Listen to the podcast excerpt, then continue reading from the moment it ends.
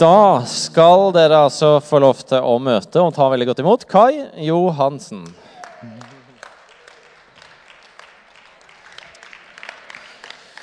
Og Kai, siden du ikke har vært eh, og talt i hvert fall i Imekirka før, eh, så hadde jeg bare lyst til å introdusere deg litt. Eh, kan ikke du begynne med å, begynne med å si sånn litt korte facts om hvem du er og hva du driver med?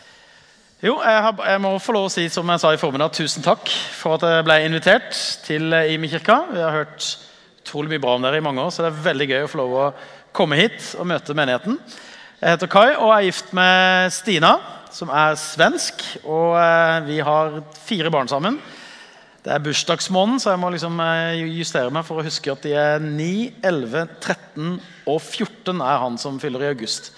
Så det er full fart hjemme hos oss. Full fart, fire barn. Det er respekt, altså. Du, jeg, jeg fortalte det i formiddag, så jeg føler disse her om å få del i det. Men eh, altså, når jeg var når jeg var en sånn Det må være 15 år eller siden. Eh, når jeg var tenåring, bodde i Tvedestrand, og av og til eh, rota meg bort til det vi kalte for eh, skytebanen. som var veien der ei viss kirke lå, så, eh, som nå heter Sjølandskirka. Så uh, så var vi på en sånn torsdagsjam. Og, og, en gang jeg var der, så står jeg ute i gangen, og så kommer det da en fyr til meg som i ettertid viser seg å være Kai Johansen. Eh, og spør om jeg er kristen, eller om jeg tror på Jesus. Og Kanskje fordi jeg hadde litt sånn identitet i å være bygutt fra Tvedestrand. Fordi jeg omga meg med så mye songefolk, og det var virkelig bygda. Så skulle jeg tøffe meg litt, så jeg svarte nei. Eh, og da begynte jo denne Kai Johansen å skulle frelse meg.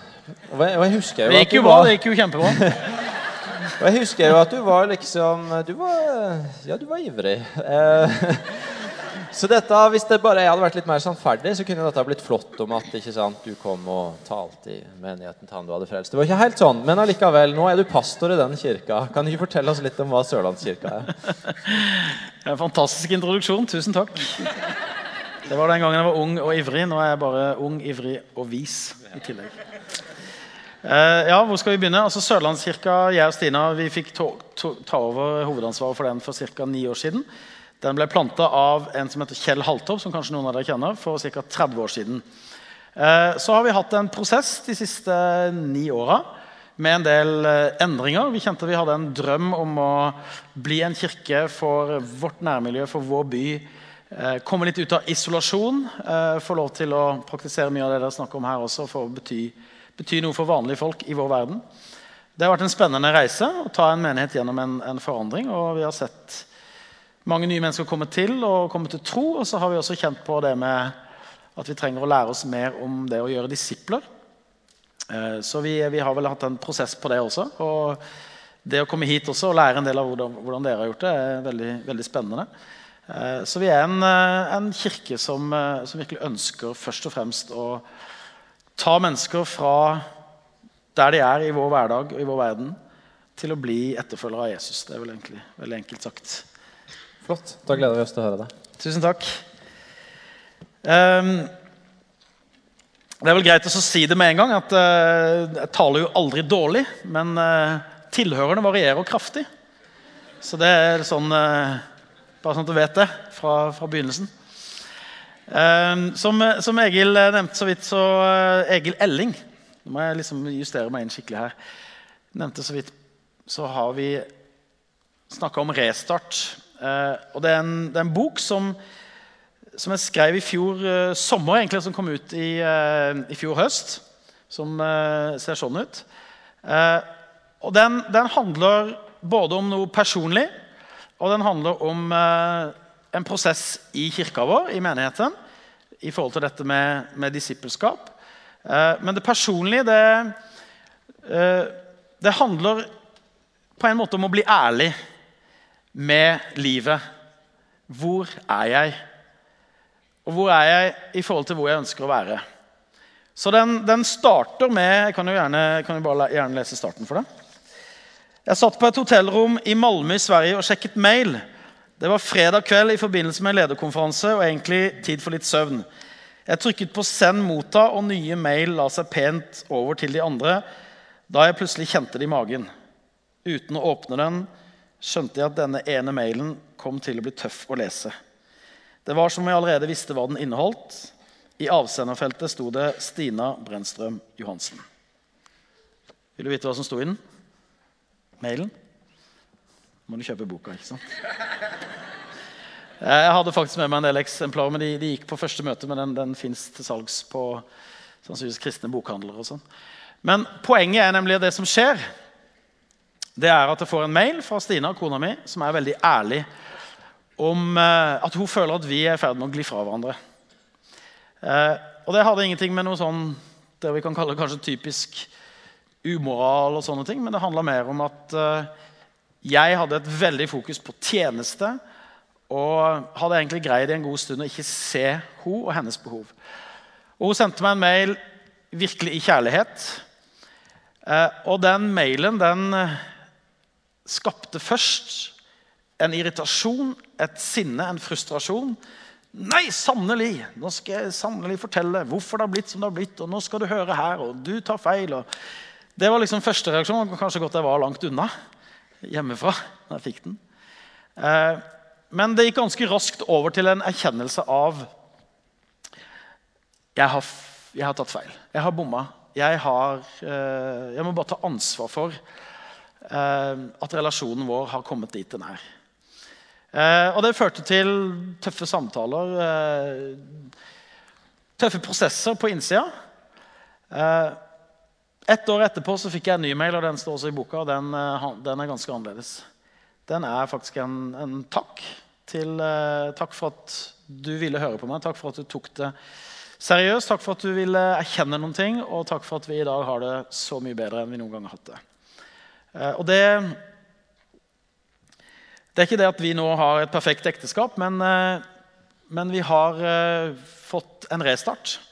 Vi har eh, begynt på nytt, og vi har funnet ut av hvor vi vil og hvordan vi ønsker å ha det. Så nå krangler vi i riktig retning istedenfor å gli fra hverandre i stillhet. for å si det sånn. Nå, nå, vet vi på en måte hvor vi vil, og det, det gjør noe med en. Og det, dette med restart det, det er sikkert mange som har hatt en treg PC som du har vært irritert på. Ja. Eh, det er derfor jeg har begynt med Mac, ikke sant? men det er jo en helt annen sak. Poenget er nemlig det at på en PC, når du får den fin og ny, så er det de programmene du vil ha der, men i løpet av bruken bare i bruken så lasta den et program som ja, det var interessant, og så kom det litt virus, og så ble det fylt opp en del på harddisken som du egentlig ikke trenger det. Så blir den tregere og hakker, og du må ta en restart. Og du må kanskje til og med ta noe så sterkt som en reinstallering. Og Det handler ikke om å slette alt og si jeg vil ikke ha noen ting, og du kaster PC-en i søpla. Men det handler om å på nytt bestemme seg for hva vil jeg ha i den PC-en. Og Da blir det å slette det andre og installere det du vil ha der. Og Det er litt det som jeg tror vi altfor sjelden gjør i vårt eget liv. At vi stiller oss disse spørsmåla. Hva ønsker jeg faktisk å ha i mitt liv? Og Da handler det ikke om bare å slette alt, men det handler ofte om å fokusere på de tinga jeg vil ha der, og våge å fjerne de andre. Det er litt samme som, som ugress. Ugress det suger energien fra den planten du egentlig vil ha der. Og egentlig så finnes det ikke en plante, spesiell plantesorter som er ugress. Skal du dyrke hvete, så kan bygg være ugress. Eller jeg mener motsatt. hvis du skal, Jeg er ikke så veldig ekspert, men jeg har lest meg opp på dette. Eh, hvis du skal plante bygg, så kan hvete være ugress. Mens hver for seg er det jo to fantastiske planter. Og Det kan være gode ting i livet ditt som faktisk suger kraften fra det livet du egentlig vil ha. Som kan være ok, greie nok, fine nok. Men hva vil du egentlig ha der? Eh, talen min i dag heter ikke 'Restart', men da vet du litt av bakteppet for, for, dette budskapet, som er både veldig personlig, og som er gjennomlevd også i, i den kirka som jeg får lov til å lede, i Arendal. Og jeg må jo gjerne jeg har lyst til å si det også, at uh, vi har starta i, Kristiansand, Sørlandskirken, Kristiansand, og vi starter i Grimstad neste år. og vi skal etter mye bønn og faste forhåpentligvis en gang i tida starte i Tvedestrand. Så det blir veldig bra. Det er i hvert fall målet. Så det blir veldig gøy. Eh, jeg har også lyst til å si virkelig tusen takk til Imi-kirken for det dere betyr for landet vårt. Eh, når vi sto i lovsangen her, så fikk jeg et sånt eh, bilde. En av de flotteste scenene jeg vet på film, er 'Ringenes herre', den siste filmen, når vardene tennes. Jeg vet ikke om du har sett den. Og når alt håp ser ut til å være ute, og mørket er i ferd med å overta, så greier noen å tenne den første varden, og det sprer seg fra fjelltopp til fjelltopp til fjelltopp, sånn at alle plutselig Det er håp! Det er mulighet! La oss samle oss. Jeg opplever at denne menigheten har et kall til å være av den betydningen for vårt land. At dere er virkelig med å tenne noen ting, så når andre bare tenker på dere, ser på dere, kommer i møte med dere, så får de håp. Der det kanskje var tørt, der det var liksom litt sånn gitt opp, der håpet var ute, så ser de den varden lyser. Og så blir de sjøl også tent, og så kan de jo bli en varde. Og Det, det bare virkelig ønsker jeg å be om at, om at dere skal fortsette å få, få, være. Og så er det sånn at Jeg vet jo for lenge lenge siden, altså i alle disse åra som eh, Lenge før på en måte jeg kom i sånn kontakt med Egil Elling, her, og sånn, så, så, har jeg visst at Imi-kirken har vært en fantastisk bra menighet. Sannsynligvis en av de aller, aller beste som går an å oppdrive. Og Grunnen er jo nettopp at dere har greid å ta dere av Øystein Øvergaard. Altså, Det sier jo alt. Det sier det må være en kjærlighetsbasert menighet. Inkluderende, tålmodig, raus, sjenerøs, nådebasert. Tusen takk skal dere ha! Fantastisk. Det er nemlig sånn at Jeg og Øystein vi eh, var kolleger i eh, Arendal som ungdomspastorer for, eh, for, mange år siden. Og det var utrolig deilig å sende han videre. for å si det sånn. Så det var kjempebra. Så skal vi se om dette funker. Ja, det gjør det. Da, da skal jeg snakke om løsningen på alt. ikke det greit? Så slipper du liksom å lure noe mer på det. og fikk det i kveld, og Du bare dropper ut studiene i morgen, du som er student, og tenker nå har jeg jo fått, fått det. Jeg trenger ikke studere mer nå. Begynner å praktisere i stedet. Eh, men fra litt spøk til alvor. Jeg har vært pastor i, i 16 år ca. Og Da kan det jo være, etter noen eh, hundre timer med samtaler med mennesker og noen tusen timer med studier av Guds ord og et forsøk på å prøve å lede seg selv og sin familie, at man har et eller annet å formidle. Og jeg tenkte i kveld, eh, Dette blir nesten, en, det henger sammen med, med, med Resart, men det blir jo en slags oppsummering. Hvis jeg skulle delt med noe av det aller viktigste som jeg kan få lov til å dele med mennesker i dag, så er det nettopp dette her. Jeg skal prøve å svare på et spørsmål som har opptatt tankene mine i ganske mange år. egentlig, og Det har kanskje blitt mer og mer etter hvert som jeg har vært pastor noen år og sett ulike mennesker i ulike situasjoner. Og det Spørsmålet er hvorfor er det sånn at mennesker som får den samme undervisninga, går i det samme miljøet, tar helt forskjellige valg? Hvorfor er det sånn at kan, de samme mennesker kan, eller, kan komme fram og takke for talen, synes det var kjempefint, bli inspirert, si det her, det her var jo fantastisk, jeg kjente det var oppmuntrende, det var godt å høre. Men senere, når du ser på livet, så er det én gruppe, og hvem er stor og hvem er liten, er forskjellig, men én gruppe gjør ingenting med det, mens en annen gruppe gjør noe med det de har hørt. Og du ser det også når det kommer kriser og vanskeligheter. Folk har gått i samme kirke, kanskje vært med i samme gruppe. Delt de samme tinga. Mens i kriser og vanskeligheter så tar de helt forskjellige valg. Det kan dreie seg om samliv, det kan dreie seg om eh, økonomi, det kan dreie seg om relasjoner med mennesker, det kan dreie seg om ikke minst engasjement i en kirke, i menighetsliv. Hvorfor er det sånn? Som pastor så ønsker man virkelig å være til hjelp. Jeg ønsker så virkelig å ha med alle. Jeg ønsker så virkelig at alle skal ta gode valg. Og Så ser man at det ikke skjer, og så tenker man ja, men det er sikkert noe jeg må gjøre bedre, eller vi må ha mer undervisning om det området, eller vi må få inn en som kan si det bedre, eller vi må på en eller annen måte Kanskje vi må høre det en gang til, vi må ta det en gang til, dette temaet eller dette temaet. Så gjør vi det, og så får vi mer klapp på skuldra og begeistring over hvor bra det er, men så ser man det på nytt. En gruppe vokser etter de har hørt undervisninga. Mens en annen gruppe stagnerer eller rett og slett etter inspirasjonen har lagt seg, tar valg som er så nesten motsatt, kanskje til og med motsatt av det man har prøvd å formidle ut fra Guds ord. Og Så stiller man seg igjen spørsmålet hvorfor er det sånn. Og Så begynner en evaluering. Og Her en dag kan du si var ikke sånn at da på en måte tenkte jeg det for første gang, men allikevel så datt mynten ned, så kom lyset på. Så så jeg noen ting. Så tenkte jeg dette må jeg prøve å kommunisere, dette må jeg prøve å få formidla. For jeg tror det kan hjelpe mange mennesker. Jeg tror det kan hjelpe deg. Jeg tror på en søndag, Vi hadde en fin søndag formiddag her. Mennesker tok nye valg. Jeg tror på en søndag kveld hvor det kommer til å skje noe i ditt og mitt liv. Og jeg har, jeg har lyst til å høre det som jeg har kommet fram til.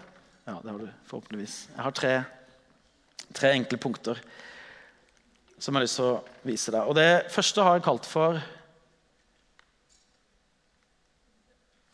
Få se om den virker. Har fjernkontrollen her? Det føles litt sånn Der kom han. Jeg har kalt det for en livslov. For jeg ønsker at du skal forstå at det jeg snakker om i dag, er ikke et nytt prinsipp som du kan på en måte følge og få det litt bedre, eller la være, og så ble det allikevel greit nok. Men jeg snakker om en livslov, altså noe som virker uansett om du vet om den eller ikke. Som påvirker deg om du liker det eller ikke. Hvis vi tar utgangspunkt i tyngdeloven, i naturlovene Det var jo Newton som oppdaga den, men det var ikke han som oppfant tyngdeloven. Den var der før han fikk eple i hodet, og den var der etterpå. Det er forresten interessant at det er tre epler som har forandra verden. Det er Adam og Eva, og så er det Hans, og så er det Steve Jobs. Så det er et eller annet med disse eplene. Nå var det ikke riktignok eple i den første, men det, det, er en annen diskusjon. Men poenget mitt er at naturlovene er der hele tiden. Og de påvirker alle mennesker før de visste om dem, og selvfølgelig etter at man vet om dem. Og det er sånn at Jobber du med den, så er den en venn og beskytter deg. Er du en som vil utfordre tyngdeloven, så får du smake dens krefter. Den fins der. Selv om du skulle gå i demonstrasjonstog mot den, selv om du skulle være veldig veldig snill, så oppheves den ikke for deg. Den er der bare hele tiden for alle mennesker. På samme måte er det med de åndelige lovene, eller livslovene, om du vil. De virker bare enda mer sikkert enn naturlovene. Og Poenget som du må få tak i, er at disse virker for de som tror på dem, og de som ikke tror på dem. For de som følger dem, og for de som ikke bryr seg. Det Løsningen på alt som jeg skal dele med deg i dag, det er altså en, en livslov. Kanskje jeg vil si livsloven med stor L. Du skal snart få vite hva den er, men jeg har lyst til å bruke et praktisk eksempel. Jeg og en kamerat som heter Kittil, vi dro til Uppsala i Stockholmsområdet for en god del år siden på en, eh, en, tur med noen ungdommer. Eh, og Det var en fantastisk fin tur. Det var bare det at På hjemveien så skjedde det noe i et kryss som gjorde at vi i stedet for å dra til Arendal, som er der, så endte vi i Sundsvall, som er 40 mil nordover. Jeg glemmer aldri dama på bensinstasjonen. Hun har sikkert lagd en norsk historie av dette her, som går sin seiersgang enda. Jeg spurte er vi langt fra Oslo, hvor hun sier 'Ni er på høyd med Trondheim'. Og det er bare Ok. Det var Kittil som kjørte. Det er viktig å si. Um, men hva er poenget mitt? Jo, det var god stemning i bilen. Vi hadde en fantastisk tur. Det var musikk på høyttalerne. Bilen var lovlig. Alt var på en måte greit. Det var bare én liten detalj. Retningen var feil. Retningen var helt feil. Og da ble alt feil. Og det er på en måte denne livsloven. Når retningen er feil, blir alt feil. Da hadde det ikke hjulpet om vi hadde liksom fått uh, litt kulere musikk eller fått uh, litt bedre mat i bilen eller uh, ja, fått litt bedre bil. for den saks skyld. Dette kunne skjedd med en Porsche og en sykkel. Det kunne skjedd med en snill og en slem. Fordi at den retningen vi valgte, den tok oss til Sundsvall. Uansett åssen vi vrei og vente på det. Og For å illustrere for deg på en annen måte hva jeg ønsker å formidle til deg i dag, La oss holde oss på veien. for å si det sånn. To biler kan komme inn på samme bensinstasjon. Sjåførene går ut, de fyller luft i dekket, fyller på diesel og bensin. Går inn og får seg en kaffe og en bolle, en baconpølse med ost, en Pepsi Max, eh, et eller annet som eh, De kjenner at åh, det var deilig for en stopp, og nå fikk jeg strekk litt på meg. og skikkelig sånn, Nå er jeg klar til å kjøre videre. Det var så deilig å få denne stoppen. Men vet du hva som avgjør hvor de havner? Det er ikke at de fikk litt refresh på bensinstasjonen, men det er hvilken retning de velger når de kjører ut igjen. Og litt sånn opplever jeg at vi kan se i våre kirker og menigheter at mennesker kjenner ja, men det var inspirerende, det var bra, det var flott, det var godt å være der. Fint fellesskap. Det er mange grunner til at vi liksom henger med. Men spørsmålet er jo ikke hvordan du følte det, først og fremst på søndagsgudstjenesten. Spørsmålet er hvilken retning det gir deg i livet når du går ut herfra. Så jeg har bare erkjent etter en del år som pastor at min jobb kan ikke være å gi litt inspirasjon og påfyll til de som allikevel er på feil vei. Men mitt ønske er å hjelpe folk til å snu. Og så gi inspirasjon og påfyll til å holde seg på veien, sånn at vi kommer helt fram en dag. Og Da er jeg kommet til punkt to, som er klimakset i dag. Dette er løsningen på alt. Nå ble du vel letta, håper jeg. Og Det er så enkelt at du nesten skal, Kan jeg dele det? Det er jo søndagsskolemateriale, liksom. Jesus er veien. Jesus er den retningen som du først må få på plass i livet. Om det skal være noe poeng med alt det andre. For denne loven om retning den påvirker alt i livet, om du tror på det eller ikke. Og Det fantastiske med Bibelen er at den viser oss den retningen som fører til livet. Det finnes tusenvis av retninger som er feil, men kun én som fører til liv, og som produserer evig liv når du vandrer på den.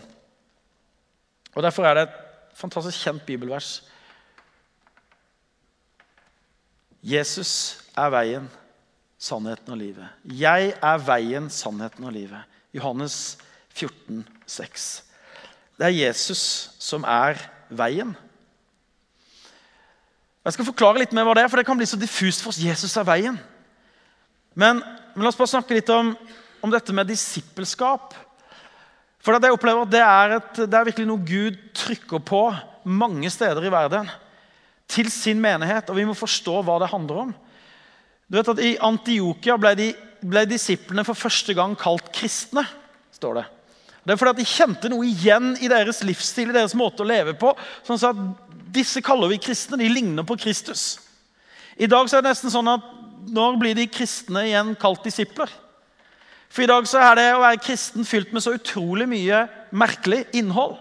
Vi har alt fra en massemorder som påstår at han er en kristen, til eh, folk som lever utrolig merkelige liv. Sånn at det, det, det, ordet 'kristen', hva betyr det egentlig? Vi må, vi må, virkelig forstå det og hvilket innhold det har. og det, det, var altså sånn at Disiplene ble først kalt kristne. Så det kom ut ifra folk som var disipler. Hva er disippel? Det er ikke så veldig mye mer komplisert enn å ha Jesus som herre. Du trenger ikke å være perfekt engang. Det hjelper veldig å være ærlig heller. Det, det, gjelder, det er bedre å innrømme at du ikke er det, men så be om hjelp fra han til å fortsette på veien. Altså Det er bedre å snuble i riktig retning enn å gå med faste skritt feil vei. Om vi hadde humpa oss fram, om vi hadde si, sykla, om vi hadde snubla oss fram, så hadde vi kommet mye nærmere dit vi ville, enn om vi hadde kjørt full pinne 40 mil nordover i Sverige. Og Derfor så handler ikke dette om perfekte, om å liksom ta seg sammen. Det handler bare om en erkjennelse. Jeg er et menneske som trenger Jesus. For det er han som er veien. Alternativet Hva er alternativet? Alternativet er jo at du er veien. At du velger din vei. At du er herre når det passer deg, og han er herre når det passer deg.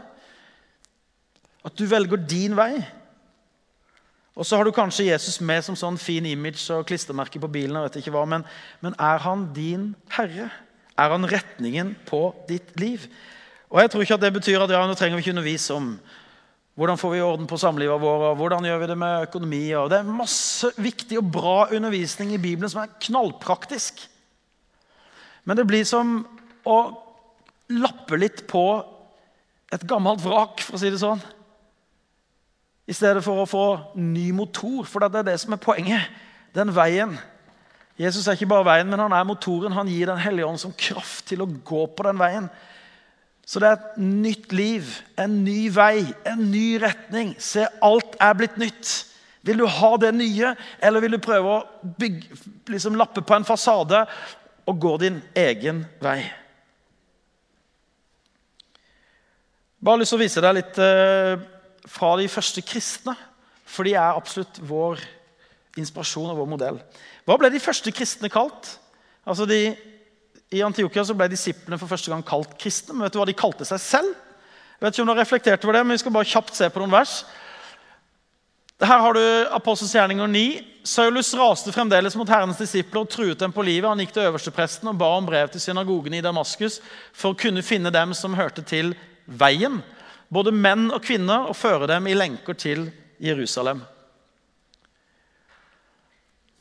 Noen gjorde seg harde og ville ikke tro, men snakket nedsettende om veien mens alle hørte på. Da brøt Paulus med dem og holdt disiplene borte fra dem. og Siden ga han hver dag undervisning i skolen til Tyrannos. På den tiden oppstod det alvorlige uroligheter pga. veien. Men én ting tilstår jeg dette Paulus som snakker. Jeg dyrker fedrenes Gud ved å følge veien, som de kaller en sektlære. For jeg tror alt som er skrevet i loven og profetene. Felix hadde godt kjennskap til veien. Han utsatte saken og sa når kommandanten Lysias kommer, skal jeg ta saken opp til doms. Og det siste Apollos hadde fått undervisning om Herrens vei. Han forkynte med stor glød og underviste grundig om Jesus, enda han bare kjente Johannesdåpen. Han begynte å tale fritt og åpent i synagogen, og der fikk Preskilla og Akvillas høre ham. De tok seg av ham og ga ham enda grundigere kjennskap til Guds vei. Jeg synes Det er veldig interessant at de første kristne kalte seg selv for Veien. Hvorfor gjorde de det? Ja, det må jo selvfølgelig være fordi de trodde på Jesus som sa 'Jeg er veien'. Det må jo være fordi det var en veldig tydelig identitet. Vi har en annen retning. Vi går en annen vei. Vi har ikke litt kristen støv, liksom, vi har ikke litt sånn kristenspray på livet vårt. Så vi det er litt mer kristne til andre, vi har en ny retning. En ny måte å leve på.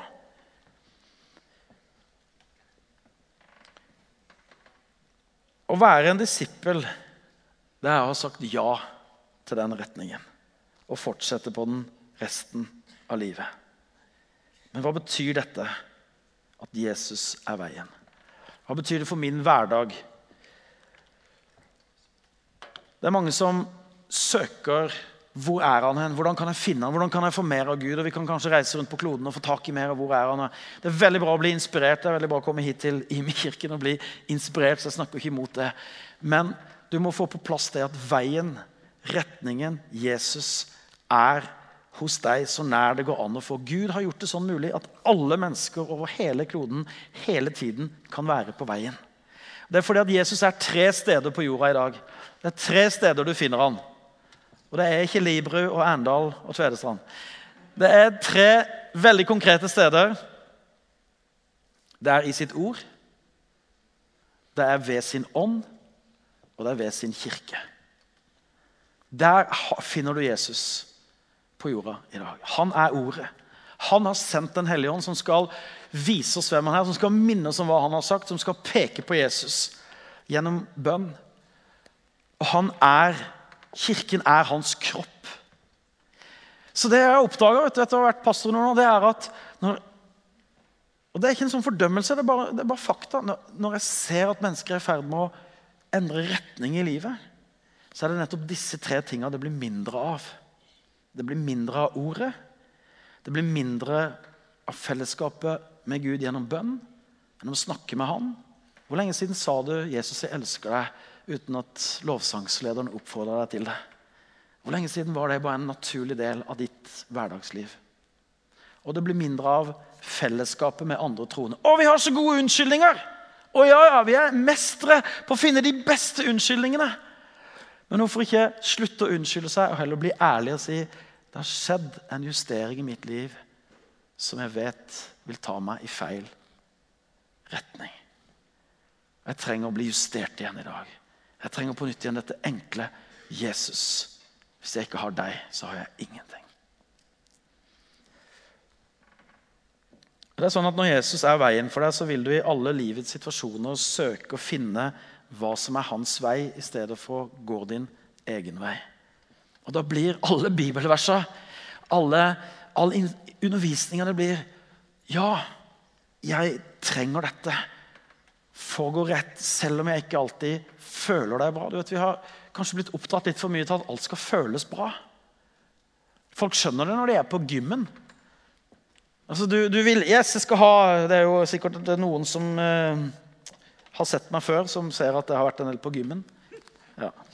Eh, og det er klart at Hvis du liksom ser reklamen og får bli sprekere og få et nytt liv, og så kommer du på gymmen og så bare merker du det er jo bare svette og smerte og Det er jo kjipt. Det føles ikke bra. Jeg vil at det skal føles bra because I'm worth it. liksom. Men uh, hallo, det, hvis ikke det føles bra, er det ikke bra, da? Jo, det er kjempebra! Det er ikke alltid det kommer til å føles bra. Det er ikke sikkert denne talen føles bra. Og det bryr jeg meg egentlig ikke så mye om. Jeg bare ønsker, jeg bare vet at den er bra.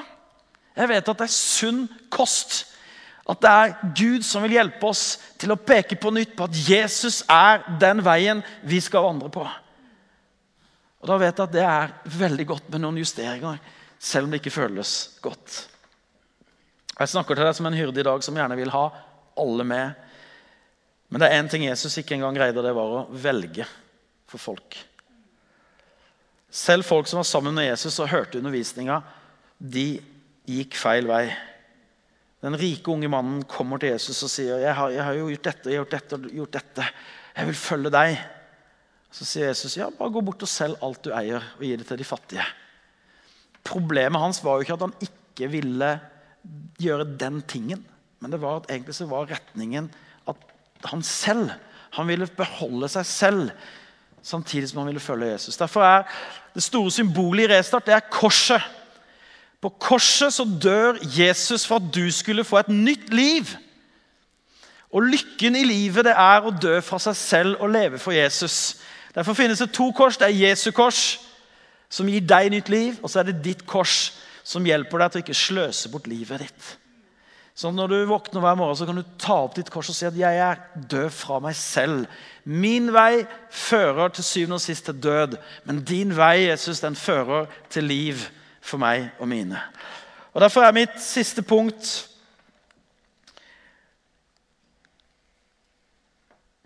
Lev omvendt. Lev omvendt. Det første tesen på Martin Luthers 96 eh, tese var det vel, som han slo opp på kirka i Wittenberg. Vet du hva det var?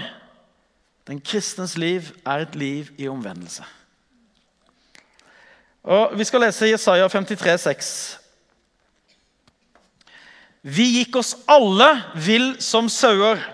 Hver tok sin egen vei. Men skylden som vi alle hadde, lot Herren ramme ham. Bibelen kaller oss sauer. Og Sauer er egentlig dumme. Så sier de nei, men jeg er ikke så dum. skjønner du. Jeg er ganske smart. Ja, Til å være sau er du kanskje smart, men du er fortsatt sau. I forhold til Gud så er vi vi går, vi går vår egen vei. Vi tror vi er så smarte, vi tror vi har skjønt det. Men vi gikk oss alle vill som sauer. Hver tok sin egen vei. Og hva er løsninga? Skjerp deg! Nei, vi må sende en annen vei. Vi må sende Jesus. Han er veien. Og så tar han skylda for at vi gikk vekk fra Gud. Vi vendte Gud ryggen. Og så sier han at 'jeg skal ta straffen, skylda for det', så jeg kommer ikke med fordømmelse, men jeg kommer med en ny vei. En ny retning. Hvis du vil velge den, så skal jeg være den veien. Jeg skal være med hvert skritt. Jeg skal være kraften. Jeg skal føre deg fram på den veien. Men jeg kan ikke tvinge deg. Det er noe som du må si ja til. Og Det er menneskelig å gå sin egen vei. Romerbrevet sier at det er ingen som søker Gud. Så vi vet at Jesus kom for å søke oss. Men fordi du fortsatt har en menneskelig natur, så vil du så lenge du er her nede, ha en dragning mot feil retning. Derfor sier Bibelen den som står, må se til at han ikke faller. Derfor trenger du og jeg å leve omvendt. Vi lever med bekjennelse at vi tilhører veien, en annen retning enn denne verden har å tilby. Og Det betyr egentlig å leve i ydmykhet for at jeg ennå ikke er fremme, og at jeg trenger å justere så lenge jeg lever. Så Derfor ønsker jeg i mitt eget liv å våkne hver morgen med en restart. For det er jo kjipt om å bruke mange år på feil vei, på en omvei. Og så har jeg sløst bort mange år av mitt liv. Men i stedet kunne hun leve hver dag med en ordet må justere meg, ånden må justere meg, menigheten må få justere meg, sånn at jeg holder kursen. Og jeg må erkjenne at Min siste justering kom i India. Vi hadde med hele familien til India for noen måneder siden. Eh, og Vi besøkte et arbeid som vi driver der. Og jeg må si at Mitt møte med indiske troende gjorde noe med meg. Vi fikk leve sammen med vi fikk komme nært på dem. Vi fikk, vi fikk være med og undervise på en pastorskonferanse. Jeg og Stina. Vi fikk se pastorer som som, som søkte Gud, og som uh, har lite å leve for, og som lever under vanskelige kår, som lever under forfølgelse. Og så kommer kallet til å dra som misjonærer til andre steder. Og så, og så, er det hvem vil dra til Afghanistan, hvem vil dra til Pakistan, hvem vil dra til Tibet?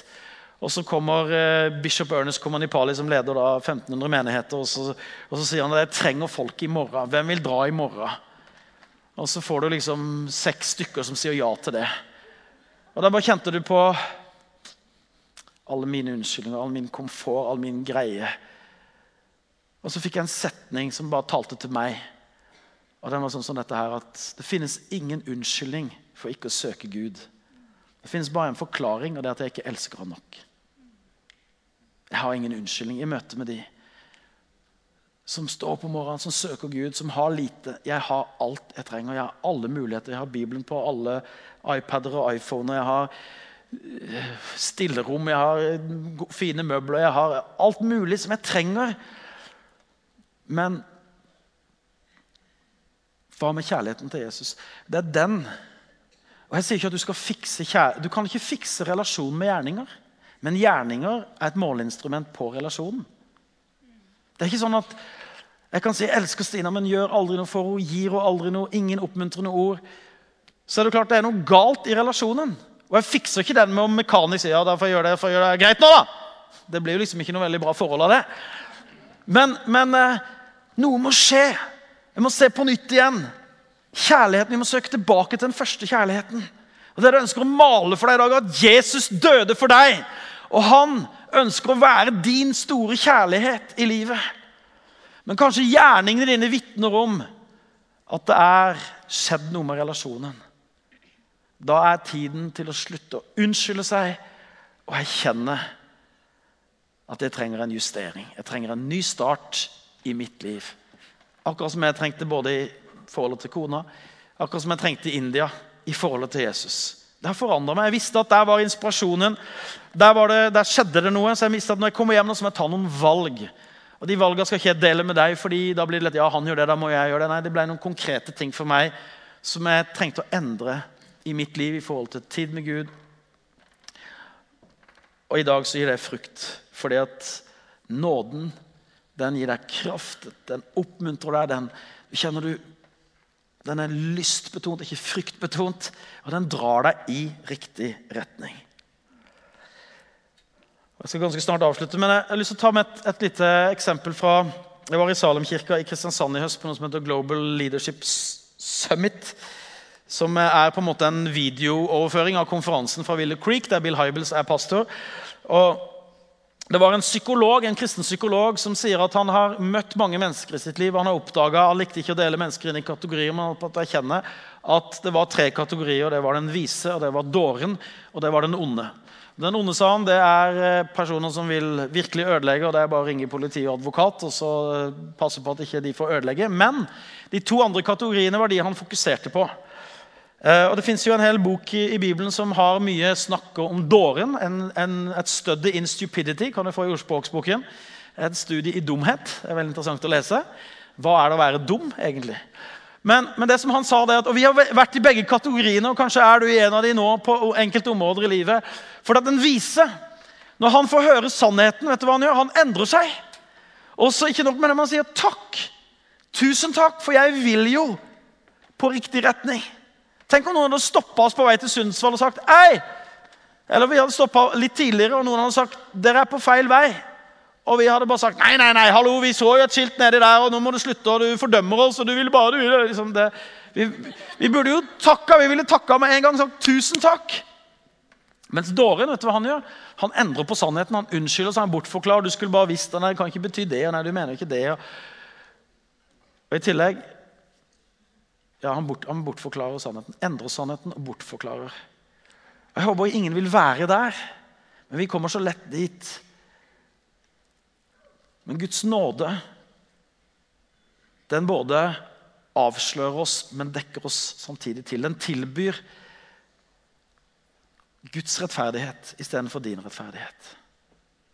For den verste synd er egentlig religiøsitet. Og Religiøsitet det er å finne en erstatning for Jesus. Å bygge sin egen selvrettferdighet.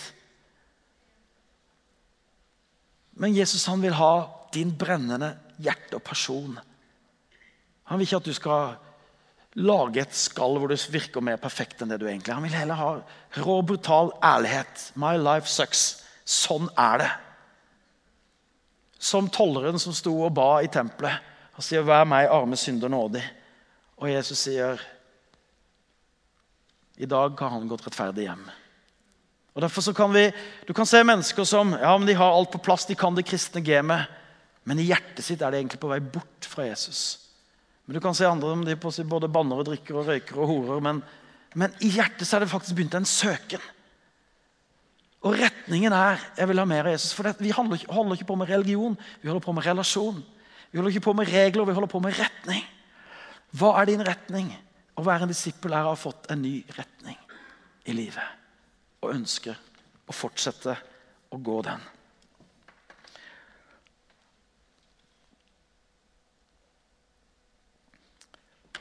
Når jeg skrev denne boka, her, så sendte jeg manus til en venn av meg som skulle lese det.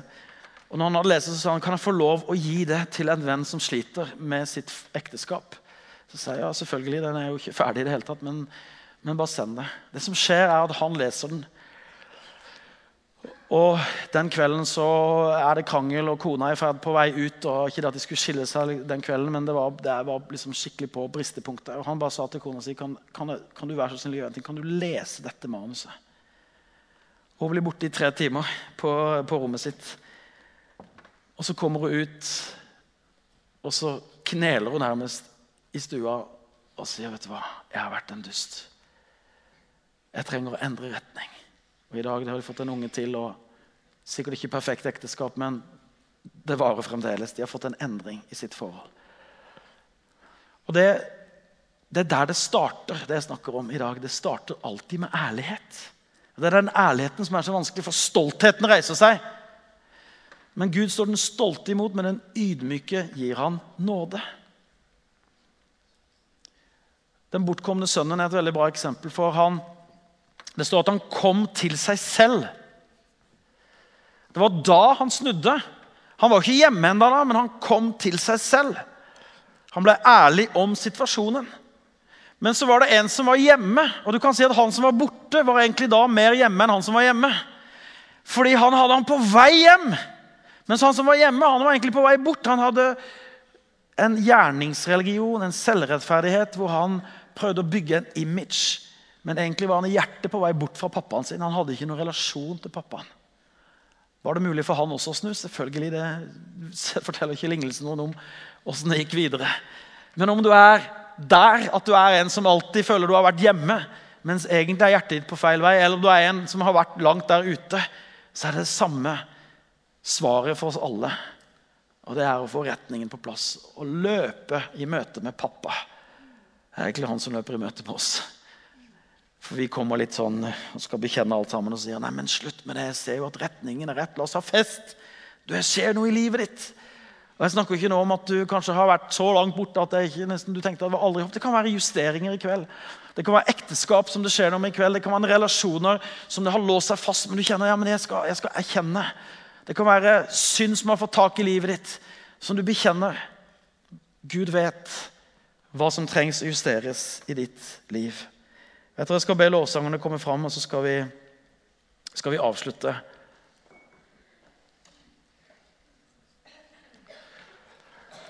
Et veldig enkelt budskap.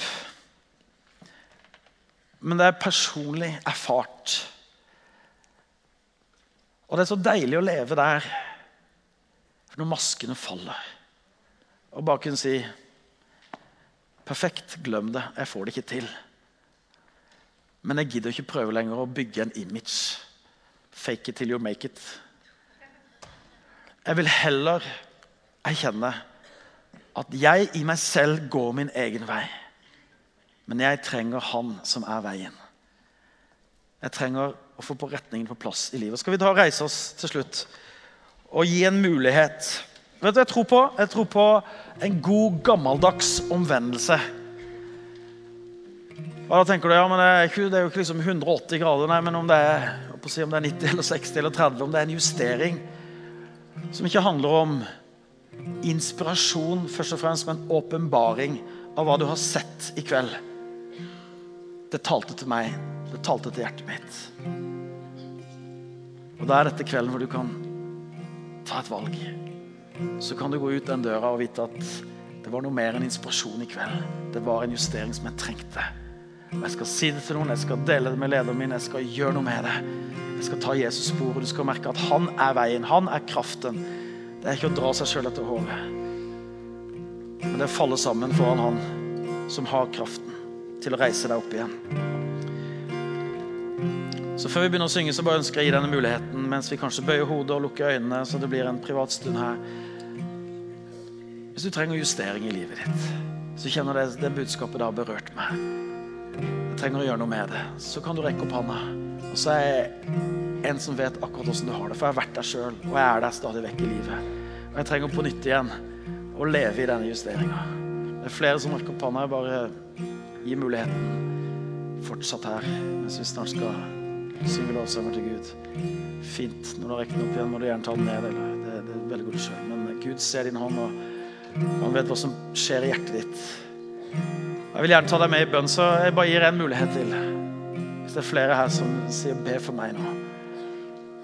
Be for meg nå Det får kraft til å være ærlig og endre noen ting. Gud velsigne deg også. Gud velsigne deg også. Jesus, vi kommer til deg. Vårt håp, vårt eneste håp, vår eneste redning. Jesus, du er veien, og vi bekjenner det for deg i kveld. Og jeg vil be for hver enkelt som har rakt opp hånda, og de som kanskje ikke vågde det. Takk for at du, Hellige Ånd, gjør noe i hjerten. Du skaper en lyst til å følge deg. Du skaper en villighet til å bekjenne synd, bekjenne negative ting som har fått gro i livet vårt. Legge det bort. Erkjenne at vi er svake, og du er sterk. Erkjenne at vi er syndere som eh, kun kan bli gjort rettferdig av deg, Jesus. Takk at du er veien. Takk at du helbreder relasjoner. Du helbreder forhold. Du, eh, du, tilgir synd, og du gir kraft til å leve i en ny retning, Jesus. Takk for du gir gnire til givere, Jesus. Du, du gjør noe med hjertene våre. Du gjør oss sjenerøse. Takk, far, for ditt liv er et liv som overvinner kjøttet, og som overvinner døden, og som overvinner verdens krefter. Takk at de kan få leve omvendt. Og lov å merke at du er en pappa som alltid står der med åpne armer.